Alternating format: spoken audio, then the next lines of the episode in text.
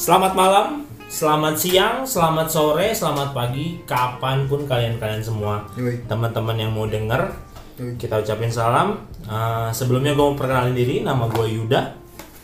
Dan nama gue Dimas Agung Saputra. Oke, uh, kita kali ini sih sebenarnya dibilang podcast enggak sih, dibilang yang record-record serius sih enggak.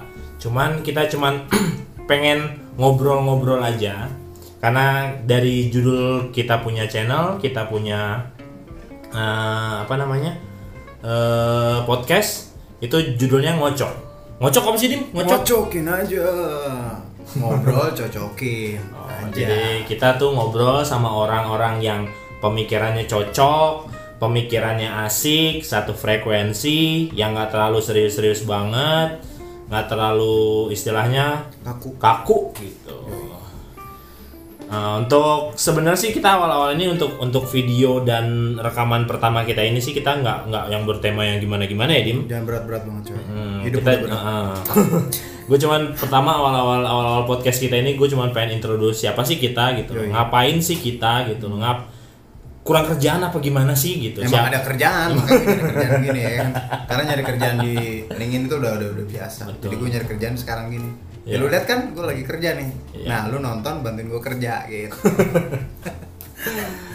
ya sebelumnya gue pengen nanya nih dim Oke. lu tuh siapanya gue sih Asik. Jadi ceritanya pertama kali eh, kita bertemu adalah waktu kita masih SMP. Hmm. Eh, ternyata per- eh, hubungan pertemanan kita lebih dari berapa tahun ya? Udah berapa tahun? berarti kita SMP 2004 2006 dari dulu. dong 2004 ya Iya, 2004. 4, 5, 6 ya 2004 sekarang 2020 berarti 16 tahun 16 tahun Gila, sa- ya dibilang makanya kenapa judulnya ngocokin aja ya karena ketika kita ngobrol tuh udah banyak hal yang luar biasa kita nentuin satu topik dan kita sering masuk tau nggak satu frekuensi jadinya cocok kita di situ ngocokin aja ya kan? Ngobrol cocokin aja. Suara gue pelan banget ya. Iya kayaknya. Ah, suara gue kayaknya masih kaku ya kan? Biasa masih baru anak baru anak bau kencur. Ya, baru terjun di bidang podcast gitu. Ya, kita sih eh, pengen introduce juga teman-teman eh, gua sama Dimas ini berteman udah sekitar 16 tahun lah ya. Awal dari pertemanan yang nggak disangka-sangka yang gue pikir sebenarnya ini ah ya udahlah teman-temanan temenan bocah gitu loh. Nah, tanpa disangka-sangka ketika sudah dewasa, ketika kita udah memasuki dunia kerja, gue juga sudah menikah segala macam. Ternyata bercandaan-bercandaan renyah zaman-zaman kecil itu masih masuk masih masuk dan bikin kita, wah ini loh cocok Yoi. gitu. Karena ketika kita ngomongin suatu topik, ya kan, topik apa pun itu yang lagi ngehits dan kita selalu satu frekuensi dan itulah alasan kenapa kita bikin channel ini untuk eh, menyuarakan isi pendapat ha- isi dari opini kita berdua tentang isu-isu yang terkini atau mungkin berita-berita yang kiranya Lagi boom. lagi boom atau segala macam dan ini kita memandangnya dengan sudut pandang yang sedikit santai. Iya, sesuai dengan ya kecocokan kita gitu. Cokin aja. Jadi eh, udah gitu eh, dari 16 tahun ini sebenarnya kalau kita dilihat dari perbedaan ya kita beda banget. Eh, banget pertama ya karena dari segi religi juga ya. Gua sama Dimas itu beda agama tapi perbedaan itu yang gua anggap tuh oh indah gitu loh. Banyak. Jadi melalui perbedaan kita bisa menemukan sebuah kecocokan. Betul. dalam sebuah pertemanan ya kalau untuk lebih dari pertemanan kayak nggak mungkin deh soalnya gue masih agak normal gitu kan Anjing. tapi juga kan udah married kalau gue belum gue masih milih-milih nih. Kalau nggak ada baru gue ke dia lagi. Ya buat pada teman-teman yang sekiranya mau pada belok ya teman-teman gue masih ya butuh santunan lah santunan kasih sayang. Iya. ya lu jadi sim simi aja lah. Nanya gue selamat pagi gitu. Gue udah seneng banget serius. Pengganti mbak mbak Alfamart apa yang Indomaret Oke, terus untuk masalah kerjaan, siapa sih Yuda gitu loh, siapa sih Dimas gitu loh. Nah ini ini salah satu keunikan lagi dan yang gua anggap inilah salah satu kecocokan kita berdua gitu loh. Gua sama Dimas ini kita pisah sekolah itu ketika SMA ya. Gua SMA, gua SMK di Bogor, perhotelan Dimas pun SMK perhotelan juga. iya tapi di sekolah yang kayak sekolah Naruto lah. ya Jadi harus mendaki gunung melewati lembah kan lewatin rintangan-rintangan terus ketemu ninja-ninja lain gitu kan dari sekolah lain ya kan. Ya, Gua pagi pagi-pagi satpam langsung siapa kamu? Dimas Cidori gitu. ya kasihan lah, kasihan sekolahnya Dimas tuh kasihan gitu loh. Kalau di kampung bukan Cidori sih. Apa? Cik Nori. Wow. Kurang ya. Cidori. Waduh. Cik Nori, iya. Oh, Nasi gitu. dua. Anjing.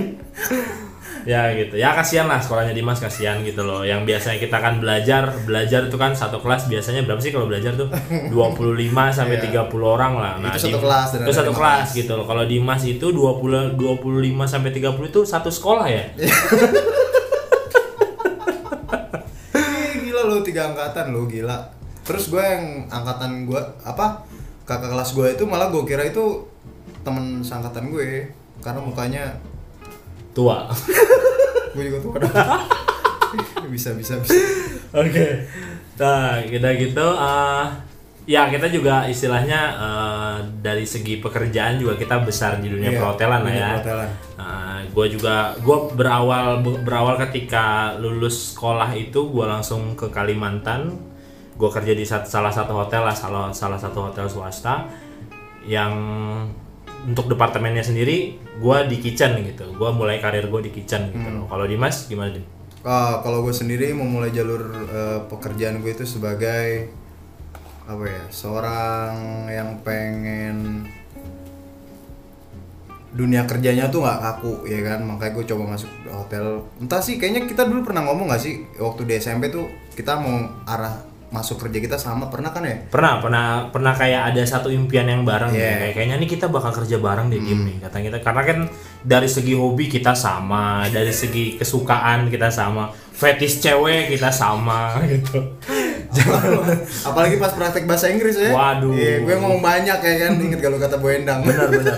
yang penting sebenarnya sekolah tuh nggak harus pinter, Iya. tapi harus cerdik. Yoi, Gitu cerdik. cerdik, cerdik wajib. wajib Karena lu pinter belum tentu ketika lu lulus nanti kehidupan lu bakal nyaman, damai. Oh, belum tentu. Tapi ketika sekolah lu cerdik, itu ketika lu ngimplementasin masa depan lu gitu dari di dunia kerja, dari segi kehidupan, cerdik itu kepake banget men buat Betul. hidup-hidup Betul. sehari-hari. Percuma lu kalau misalnya lu buat ya penonton-penonton kita yang masih ada-ada ini berdasarkan cerita kita berdua dulu teman kita yang ngumpetin ujiannya takut kita contekin ya kan yang uh, ujiannya ditutupin pakai buku ya kan buat kalau angkap, perlu ya kan. dikasih tembok, kasih dikasih tembok, pelur, ya. kasih genteng, wah kontrakan. tembok, tembok listrik ya kan sama tembok Nazi itu Israel Palestina pokoknya Waduh, bapak lah. terlalu jauh pak, Jauh nih. terlalu jauh. Gua tarik dulu. Bapak terlalu Ya. jauh, terlalu jauh. sekarang masih belum jadi apa belum jadi manajer belum jadi bos loh maksud gua Indomaret, waduh. Alfamart, waduh. Belum jadi bos gila maksud gua lu hidup Iya. jangan terlalu sengklek lah Jangan terlalu kaku lah, santai aja. Jadi buat buat teman-teman semua, terutama yang penonton-penonton yang sekarang masih sekolah, masih kuliah, kalau saran dari kita berdua, enjoy, enjoy aja gitu loh. Jalaninnya tuh jangan terlalu kaku, jangan terlalu yang lu ah gua harus belajar, gua harus pinter. Iya memang, sekolah itu biar pinter, sekolah itu biar kita juga tahu gitu loh. Nanti ke depannya kita harus ngapain sih? Iya. Cuman seenggaknya once nanti lu lulus, lu tuh hidup- bakal hidup bermasyarakat gitu loh. Jadi selagi lu masih sekolah, selagi lu masih kuliah, ya pelan-pelan lu harus belajar gimana sih cara bermasyarakat gitu loh. Betul. Gimana cara bernegosiasi gitu loh. negosiasi terus cara eh, masuk ke dalam satu pergaulan lu Hmm. juga harus bisa beradaptasi Eh, kalau misalnya lu dulu waktu masih SMP atau masih eh, SMA lu pelit sama temen lu yang meskipun hanya sebatas contekan lu nggak tahu ketika lima tahun atau 10 tahun lagi temen lu yang lu pelitin bisa nolongin kehidupan lu Waduh, berat Iya sih, berat berat berat. Benar benar benar Benar, benar karena ya memang sesuai tadi yang udah sebelum podcast ini kita mulai kan Hmm. kita sempat ngobrol. Roda tuh berputar men, gitu kan. Nggak selamanya lu di atas, either lu anak bangsawan, darah biru, darah kotor, lu bakal bakal bakal bakal bakal berbalik Hmm. men, bakal ngerasain yang namanya lu di bawah, di posisi di mana lu tuh butuh bantuan orang gitu loh. kalau lu sampai darah lu kotor lu mesti cuci darah men Betul juga. Iya. Mahal ya. Mahal. Hmm, makanya sebisa mungkin tiap hari makan nasi pakai Baiklin. Waduh. Kurang ya? kurang Kurang ya, kurang. gue ketawa cuman buat dapat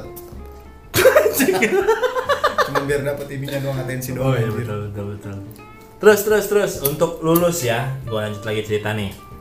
Eh, lulus ketika lulus, gua kul- eh, gua lanjutin kerja gua di Kalimantan, es belum chef sih, as a cook. Gue belajar lah di situ di mana sih bangsat bangsatnya bangsat bangsatnya anak-anak kitchen, terutama cook, anak-anak restoran gitu loh. Karena gue lihat gini, ketika kenapa gue memilih SMK, kenapa gue memilih kejuruan untuk gue ambil melanjutkan pendidikan gue ya, karena gue rasa, wah kalau gue SMA gue kayaknya boring banget Iya, gitu loh. iya. Gue sekolah, temu temen-temen gue, ngerjain tugas, nongkrong, pulang, Pulang. nongkrong, pulang, nggak ada nggak ada kegiatan gitu loh. Nah, kenapa gue interest ke SMK? Kenapa terutama jurusan perhotelan ini? Karena gue lihat, wah anak-anak hotel asik nih gitu loh.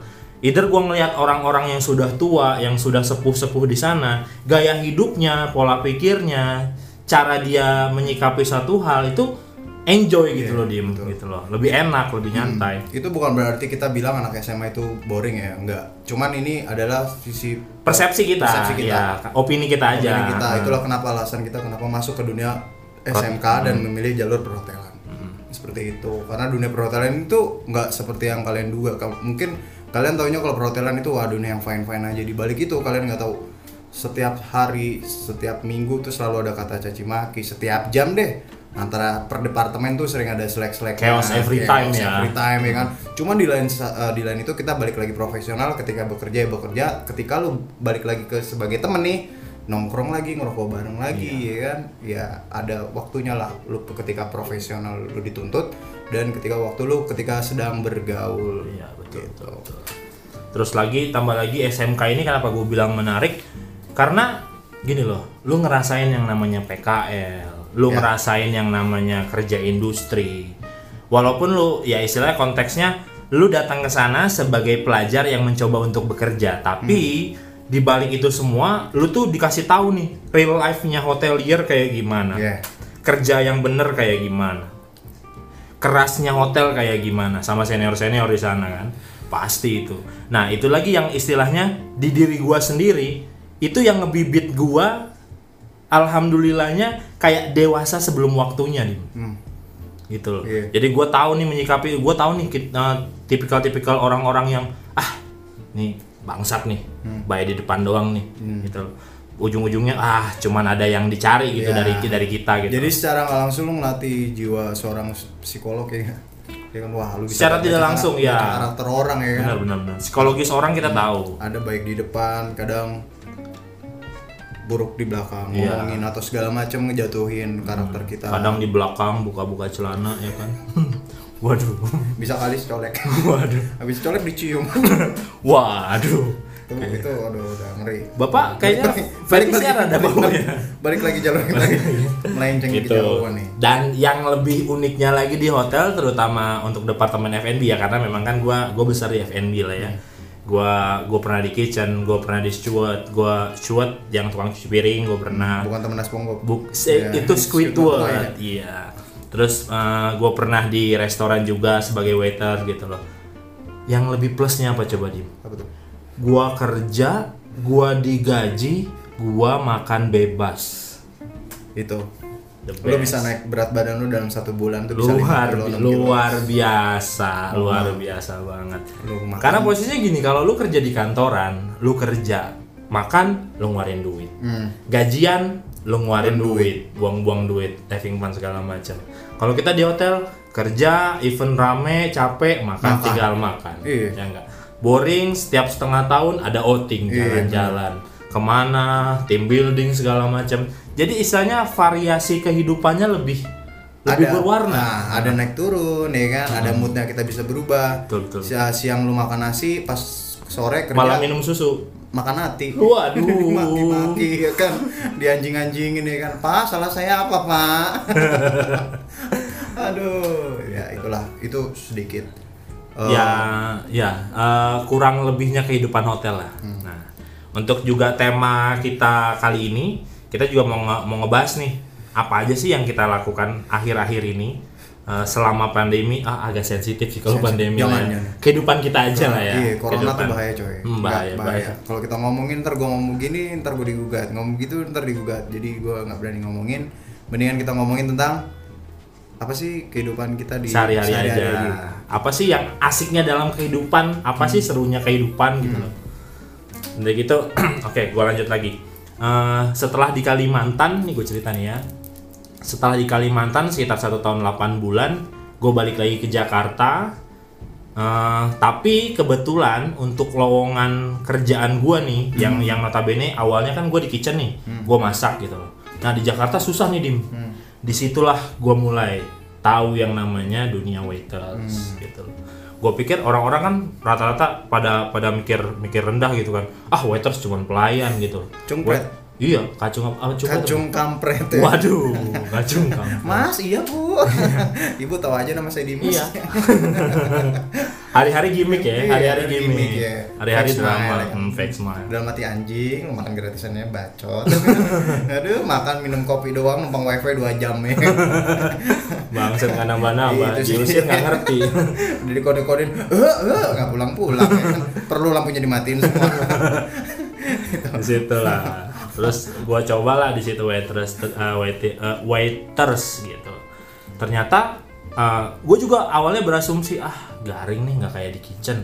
Di kitchen gue bisa masak, gue bisa ber, ber- berkreasi gitu loh dengan istilahnya Menu. By the way, by the way, gue ini orang Padang yang notabene gue suka masak, gue suka makan gitu loh. Jadi ketika gue masuk ke dunia kitchen tuh kayak menurut gue tuh, wah ini passion gue gitu loh. Nah di saat gue pindah dari Kalimantan, eh, Balikpapan itu ke Jakarta, gue tuh mencoba dunia baru di waiters itu gitu loh. Awalnya gue anggapan, aduh garing nih kerjanya gini doang, cuman bawa-bawa piring, order makanan orang, ya kan. Terus istilahnya eh eh, apa sih nyiapin buffet, Iya. nyiapin, nyiapin keperluan-keperluan orang makan gitu loh, garpu, sendok, piring segala macam.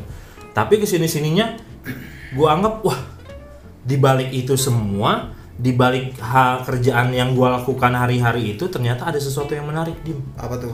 Gue bisa ngobrol sama orang, gua bisa punya relasi, ya kan? Kita nggak pernah tahu nih siapa sih tamu kita Betul. apakah dia anaknya konglomerat kah apakah dia siapa gitu ada ada ada ada ada orang lah di Iya. balik di balik dia gitu loh dan itu yang gua rasakan gitu loh lewat gue jadi waiters di situ gue belajar untuk bisa bisa tahu gitu loh mood orang.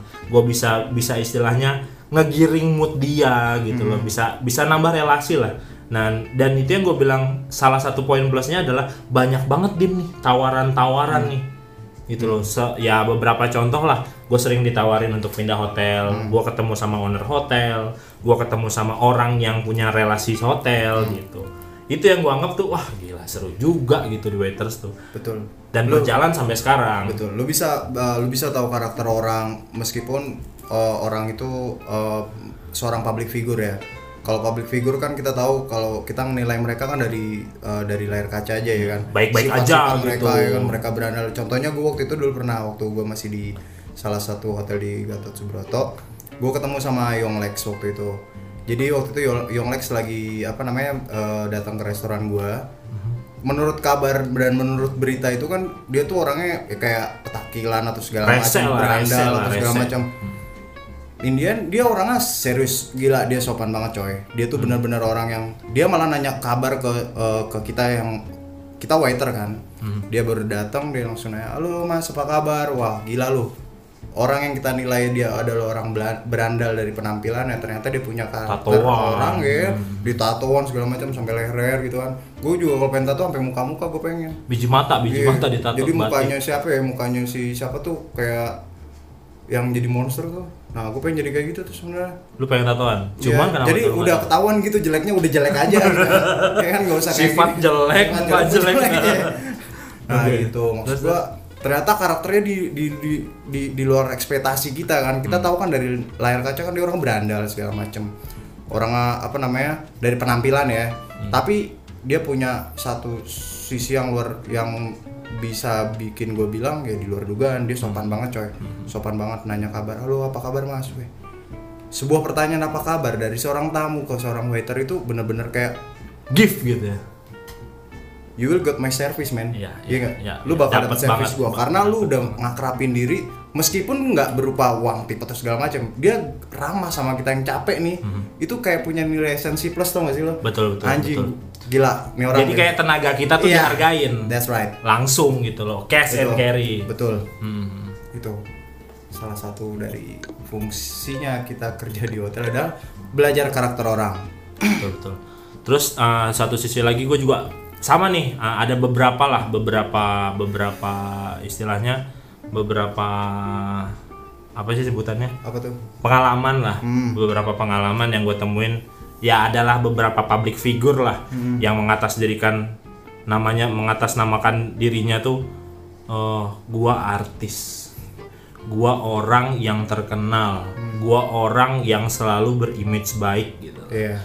Nah, teman-teman belum tentu tahu mereka seperti apa. Tapi kita, kita, kita, kita ini yang orang-orang nggak tahu kerjaan kita kayak gimana, itu tahu keseharian mereka gitu loh bro. Gila, pagi-pagi ya kan orang-orang sarapan biasa yang namanya orang orang kaya bahkan banyak orang kaya yang tinggal di hotel makan ya udah makan aja gitu loh. Ini mereka dia minta dia ambilin. Oke lah, there is part of service gitu. Cuman maksud gua banyak orang yang lebih kondisinya Iya. dibandingkan elu gitu Iya. loh. Kenapa gua harus fokus ke elu gitu loh? Kita sama-sama orang, toh bukan cuman elu yang bayar gua. Banyak orang-orang kaya di luar sana Betul. yang harusnya mendapatkan hak servis yang sama, gitu kan. tapi mereka memperlakukan kita lebih manusiawi Iya, lebih manusiawi dibandingkan elu yang mengatasdirikan elu itu public figure. Iya. Gitu loh. Elu yang mengatasdirikan elu tuh istilahnya orang baik, Mm-mm, bener gitu kan? ke sana pengennya manis-manis gitu ya kan Mm-mm. mendingan lu jangan public figure Apa mendingan lu tuh? jadi public gula Wow, public gula. diabetes, diabetes. Wah, Bener juga public. public gula jangan pu- public figure susah Iya, mendingan lu kalau mau manis jadi Public gula, Gula. betul juga bener. diabetes deh cepat meninggal deh lu Uts, nggak boleh. Eh. Mendoakan Eh, sesuatu tuh yang baik-baik, nggak maaf. boleh. Ini bawa emosi. ya. Ya gitu. Terus ada juga yang istilahnya di layar kaca nih teman-teman lihat tuh, wah gila nih, family goals, ya kan. Wah gila nih, eh, sosok panutan. ih Wah gila nih orang baik banget, suka sodako, suka memberi. gila media emang Bullshit. bulldog Tahu bullshit? apa tuh tai banteng. Gak ada teman-teman, gak ada. Yang namanya manusiawi, setiap setiap manusia yang diciptakan Tuhan itu pasti pasti ada minusnya. Gak selamanya yang yang lulu orang nih lihat di TV mereka tuh wah gimana gitu, wah kayaknya hebat banget, kayaknya keren banget. Tapi kenyataannya mereka juga sama, wah ada ada beberapa beberapa artis lah, ada beberapa beberapa public figure lah yang memang di layar kaca dia baik, in real life juga dia baik, Baik. ada. Tapi ada juga yang nyeleneh gitu loh. Nah, karena gue juga kan istilahnya gue juga pernah lah, gue ada beberapa beberapa pengalaman gue, gue juga pernah kerja di bar kan, sebagai bartender, sebagai mixologist gitu loh. Gue bikin minuman-minuman mereka, yang kadang ketika gue ngeliat di TV, ah yakin nih dia doy- doyan minum, ah Iya. yakin nih dia doyan mabuk. Tapi ketika gue ngeliat aslinya di gila, gila, gila, minumnya kuat-kuat banget di itulah kalau misalnya bisa gue bilang ya sebenarnya eh, orang yang bisa tahu skandal artis atau skandal public figure itu sebelum media bisa Orang-orang kayak orang-orang kita. kayak kita Iya nggak sih? Cuman kita nggak mau Cuman publish aja. publish. Soalnya karena kita berpikir gini, apa sih? Profesional. Benar, satu profesional, kedua juga ada untungnya apa sih? untung, anjir. Iya kan, dapat duit apa? enggak, apa juga enggak. Mau kita jadi istilahnya apa? Buzzer. Aduh, iya atau jadi adminnya lambe tiri Wow. Lambe tiri karena ibu bapaknya beda bawa anak. Kalau ibu bapaknya sama bawa anak lambe kandung. Waduh. Oh, iya iya. Iya, bisa, iya. bisa bisa bisa Iya, bisa. iya, dapat dapat dapat dapat ya itu. Maksudnya lu eh, kita nih kita kita bisa tahu skandal artis tapi kita nggak pernah buat publish karena itu satu profesional kedua nggak ada untungnya ya buat kita. Bener lah, buat apa apa sih? popularitas segala macam. Yang penting buat kita nih kerja di hotel lu kerja dapat gaji dapat relasi dapat teman dapat kawan dapat channel. That's it udah. Iya, karena Pulang. kita istilahnya terutama ya untuk mungkin teman-teman yang punya background di hotelier atau memang yang sekarang masih masih bekerja di bidang hotel, yang masih bekerja di bidang jasa, terutama restoran gitu loh. Kita selalu punya moto lah istilahnya. Gua nggak peduli siapa dia, gua nggak peduli berapa, seberapa kaya dia, gua nggak peduli apa yang gua dapat dari dia. Yang nomor satu yang harus gua kasih sama dia adalah perfect service Bah, gitu aja udah Itu. karena apa ya munafik lah orang nggak ngarepin tip. Ya pastilah kita orang-orang hotelier pasti ngarepin tip. Karena apa? Tip itu adalah sebagian apresiasi yang kita dapat dari servis yang sudah kita berikan. Betul kan? benar, benar. cuman tapi secara tidak langsung ucapan terima kasih Duh, nama kita diingat sama itu orang Itu. itu, udah salah satu istilahnya piala terbesar gitu loh. Dari apa yang sudah kita kasih effort yang sudah kita kasih buat Betul. hotel gitu. Kadang nggak mesti duit sih. Lu cuma bilang makasih Mas Dimas, makasih Mas Yuda. Itu bisa ngerubah mood kerja lu seharian. betul betul Iya sih. betul jadi kayak giat gitu kayak Iya, ada mood booster ada mood gitu kayak Nah. gitu kan. Wah, anjing semangat semangat Betul, ya kan. betul, betul. Meskipun habis itu sore dikeramasin ya kan. Ini gimana nih? Wah gila setapan lu, wah parah lu, wah lu sadar lu. Sales anjing. Eh, eh, lupa. eh nggak boleh bawa-bawa jabatan. Lupa, lupa, lupa, lupa. eh tapi ngomong-ngomong by the way teman-teman, by the way, by the way gitu loh. Gue berhak bersuara karena apa? Gue sudah veteran hotelier. Ya. Jadi gue free. Gue mau ngomong apa aja free. Ya ini kan istilahnya opini dan asumsi gue. Gitu loh. Alumnus. Alumnus Oke, gitu. loh. Ntar ikut di Monas nih. Gue udah nggak punya hak nih. Oh, iya, iya. demo-demo ketenaga kerjaan gue udah nggak punya hak. Gitu. Udah jadi pengusaha, calon pengusaha. ya. Amin, amin. Doain aja teman-teman. Iya. gitu. Jangan lupa ntar kalau udah jadi restorannya follow Instagramnya. Tapi jangan sekarang orang belum jadi, belum bikin, belum terbentuk. Waduh. Bentar lagi, bentar lagi ada Jauh, proses. jauh patternnya ya. Proses. ada prosesnya nih. Ini mau lagi mau ngerilis. Waduh. Jadi doain aja. Doain dulu, baru follow. Rilis, abis diangkat ngomong mancing mania mantap. Ih, logo iklan nggak boleh. Oh iya. Oke, kita lanjut lagi nih. Eh, terus kalau untuk masalah gua kan ini udah cerita nih sebagian lah. Awal-awal gua di hotel kayak gimana. Nah, gue pengen tahu nih, lu tuh gimana sih dim awal-awalnya bisa kecemplung gitu loh di dunia hotel tuh gimana sih? Di dunia hotel, kalau di dunia hotel tuh dulu pertama kali gue memang dari kapan nih dari dari dari sekitar dari SD lah. Dari SD tuh gue udah selalu berpikir bahwa gimana sih kerja eh, bisa berkomunikasi dengan orang, beradaptasi dengan orang, bukan bukan hanya rekan kerja juga ya. Maksudnya dengan orang-orang baru gitu kan. Dan gua rasa ketika gue masuk dunia perhotelan, wah waiter nih kayaknya Pas gitu. pas lah karena kan lo di situ bisa komunikasi sama orang lo bisa apa namanya eh, menilai orang karakter gimana ya kan? Tamu-tamu apa segala macem. Dan terus di situ juga gue berpikir gimana ya caranya gue bisa kerja di luar negeri gitu kan oke mungkin Hmm, pakai karena jalan- memang di hotelnya tuh kan skalanya luas lah ya. Ya, Bisa di kapal peli, kapal, pesiar ya kan. Hospital itu lah bukan hotelier.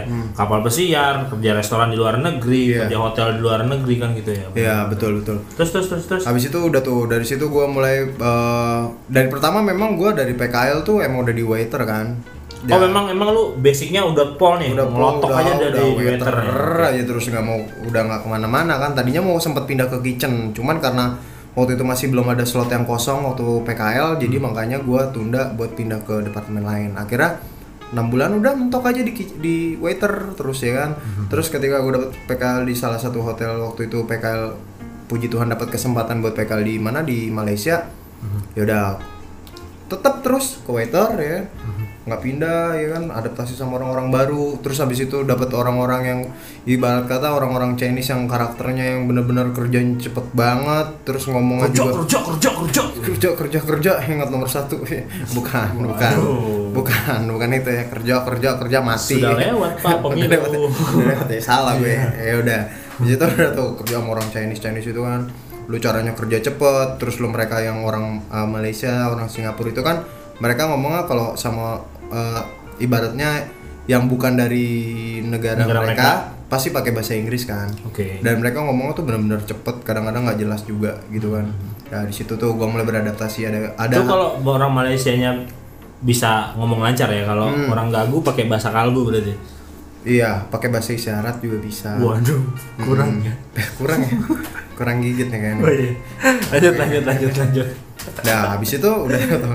Lanjut tuh gua apa Malaysia masih PKL jadi waiter terus pulang ke Indonesia dapat kesempatan. Karena waktu itu tahun 2012 tuh kalau lu dapat sertifikat pernah PKL di luar negeri gitu eh, agak sedikit gampang ya buat nyari kerja. Karena kan eh, pemikiran HRD itu wah nih orang lumayan sertifikat PKL dari luar negeri gitu kan. Ya jadi itulah salah satu berkat yang bisa gue manfaatin gitu kan habis itu ya udah terus waiter sampai sekarang pun jadi tetap masih jadi waiter Dan- Terus terus terus terus terus. Nah, terus. habis itu udah tuh terus terus gue baru baru baru kayak eh, tahun 2019 ini gue udah mulai berpikir kayaknya gue pengen beralih ke dunia yang lebih baru kayak mungkin coba sesuatu yang baru lah bikin podcast mencoba dunia-dunia yang ibarat kata masih Di luar masih keseharian di luar kita lah. keseharian gue nyoba inovasi segala macem Kenapa yang bikin podcast? Doyan bacot ya. Ya udah bacot anjir, serius. Gue kalau di pos tuh, kalau di pos ronda tuh gue ngebacotin bapak-bapak anjir, gue cerita-ceritain gitu. Mereka gak mau percaya anjir. Ya, karena Serius. karena kita dididik untuk jadi penipu ya di hotel ya. yang nggak perlu pinter, yang penting lu bisa ngeyakinin orang, Orang. bahwa Bener. omongan lu tuh seolah-olah benar. Serius. Lu kasih data bohongan bapak-bapak percaya anjir. Terus lu kayak percaya eh, kayak kemarin tuh kayak teori-teori konspirasi gitu, bapak-bapak pada percaya anjir. Karena mereka tuh percaya emang kalau grup-grup hoax gitu dia mereka pasti percaya. Bapak-bapak kalau misalnya kita nggak bisa ngendalin nafsu kita untuk berbicara sesuatu yang berbohong pada mereka mah kena semua anjir. Iya kadang satu sisi kan ada bapak-bapak tuh yang pinter-pinter banget. Kelewat ada kelewat pinter, saling inteleknya udah cocoknya ngobrolnya sama alien gitu dia. Nggak masuk sama Kita kita. ngobrol sendiri Ah. ngobrol sama Tapi sekalinya Cooper, sekalinya Urdu gitu orang Goa bener-bener parah gitu Iya. men. Betul betul betul. Ya inilah serba-serbi Indonesia Hmm, lah ya. itu dia. Sebenarnya. Ya, dan di situ gue lanjut lagi ya cerita eh, apa namanya latar belakang kehidupan gue yang nggak sesuai dengan kenyataan dan impian gue gitu. Oh. Ya Eh ngomong-ngomong untuk impian sendiri lu apa sih dream dream yang bener-bener pengen lu capai gitu, pencapaian yang bener-bener pengen lu raih gitu. kalau gue, Hmm. kalau gue dream gue sebenarnya simple sih. Gue cuman pengen satu doang bahagian orang tua udah itu doang dulu. Target gue itu dulu apa pun caranya yang bisa gue raih untuk mendapatkan kebahagiaan orang tua itu pasti bakal gue lewatin. Kalau lu gimana? Kalau gua pribadi sih ya semua mimpi semua anak lah itu ya. Mimpi semua anak untuk ngebahagiain kedua orang tuanya, untuk bikin bangga mereka gitu, nyenengin mereka dengan apa yang kita bisa kasih gitu Iya. kan. Ya ya sa- ya 11 12 lah sama. Cuman kalau gue pribadi sih gue tipikal orang yang nggak muluk-muluk sih dim gue pengennya. Kalau gue cuman punya keinginan gini, di mana ada gua 100 meter itu orang-orang bahagia gitu aja sih. Ngeri gak? Ngeri gak? Ngeri gak? Ngeri. Berarti Nah, begitu lu nongkrong ada gravitasinya. nah, Orang gitu. ketawa-tawa Iya, ya. Gila iya. ya. Anjing. Kayak bahasanya dong. Oh iya, maaf. Kita kan masih pemula anjir. Anjay. Anjay. Eh, kena pidana udah enggak? Udah enggak, udah udah boleh, udah boleh. Iya, yang gugat udah minta maaf soalnya. Betul, betul. udah di banner. Sekali-kali gibahin dikit lah. Iya. gitu. Oke, terus kalau untuk dream udah ya, untuk yang lu jalanin sekarang Hmm. udah. Terus untuk uh, plan ke depannya nih, lu apa sih yang pengen lu lakukan gitu? Sebenarnya nikmatin hidup sih. Gue pengen ada short term sama long term impian gue kan masih ada. Hmm. Gue eh, kalau untuk short termnya paling gue pengen ngejalanin apa beberapa project yang ya kita berdua rencanakan ini. Oke. Oke, ini jadiin prioritas dulu ya Siap, kan. Siap, siap. masalah hasilnya Itu urusan- atau enggak Tuhan lah, karena ini sebenarnya tema podcast kita itu buat nyampein unek-unek Iya, Nyalurin hobi. nyalurin hobi kita serap berbagai energi di lingkungan Siapa kita tahu ada yang relate sama kehidupannya, that's right cocok, suka dengan gaya pembawaan kita yang kayak gini ala Iya, iya. kadarnya.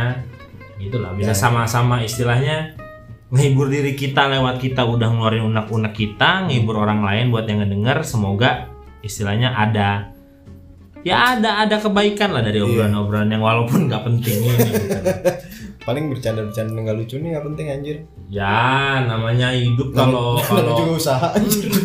Usaha buat mencapai kita nggak ada bakat gitu buat ya. jadi komedian, cuman ya ini inilah kehidupan bercanda. anak muda gitu canda-canda gini. bercanda tongkrongan ya kan Hmm. nongkrong omongan gak penting tapi bisa jadi jokes. Malah kalau misal ada orang lewat nggak salah jadi jokes juga ya kan kalau itu jatuhnya gibah.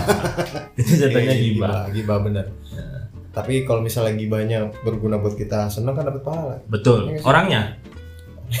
Oh dia. Kita mah dosa ya. Iya.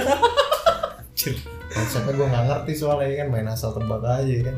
Ya oke gitu sih. Paling kalau untuk awal-awal untuk eh, podcast kita yang pertama ini sih kita nggak mau banyak-banyak buka-buka dulu sih istilahnya. Kita mau ngapain sih? Cuman ini kita perkenalkan perkenalan aja siapa itu Yuda siapa itu Dimas buat next ke depannya buat temen-temen yang rela untuk eh, mengorbankan kupingnya ngedengerin bacotan kita ini Yoi. Semoga sih istilahnya ada pesan lah yang diambil, ada sesuatu info yang berguna lah buat teman-teman Betul. semua.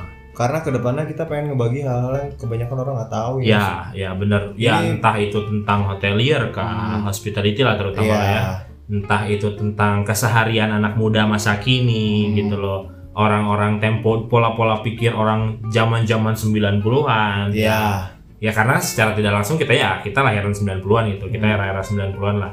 Yang notabene kalau gua pikir ya anak mudanya lebih menarik kehidupannya sih. Ya, karena masih belum teradaptasi sama ini nih, sama gadget. Iya, ya iyalah. belum 100% diambil alih sama. Asia Hidayah, Asia Hidayah. Tapi kalau beli HP itu udah pasti dapat hidayah. Kayaknya iya sih wangsit wangsit.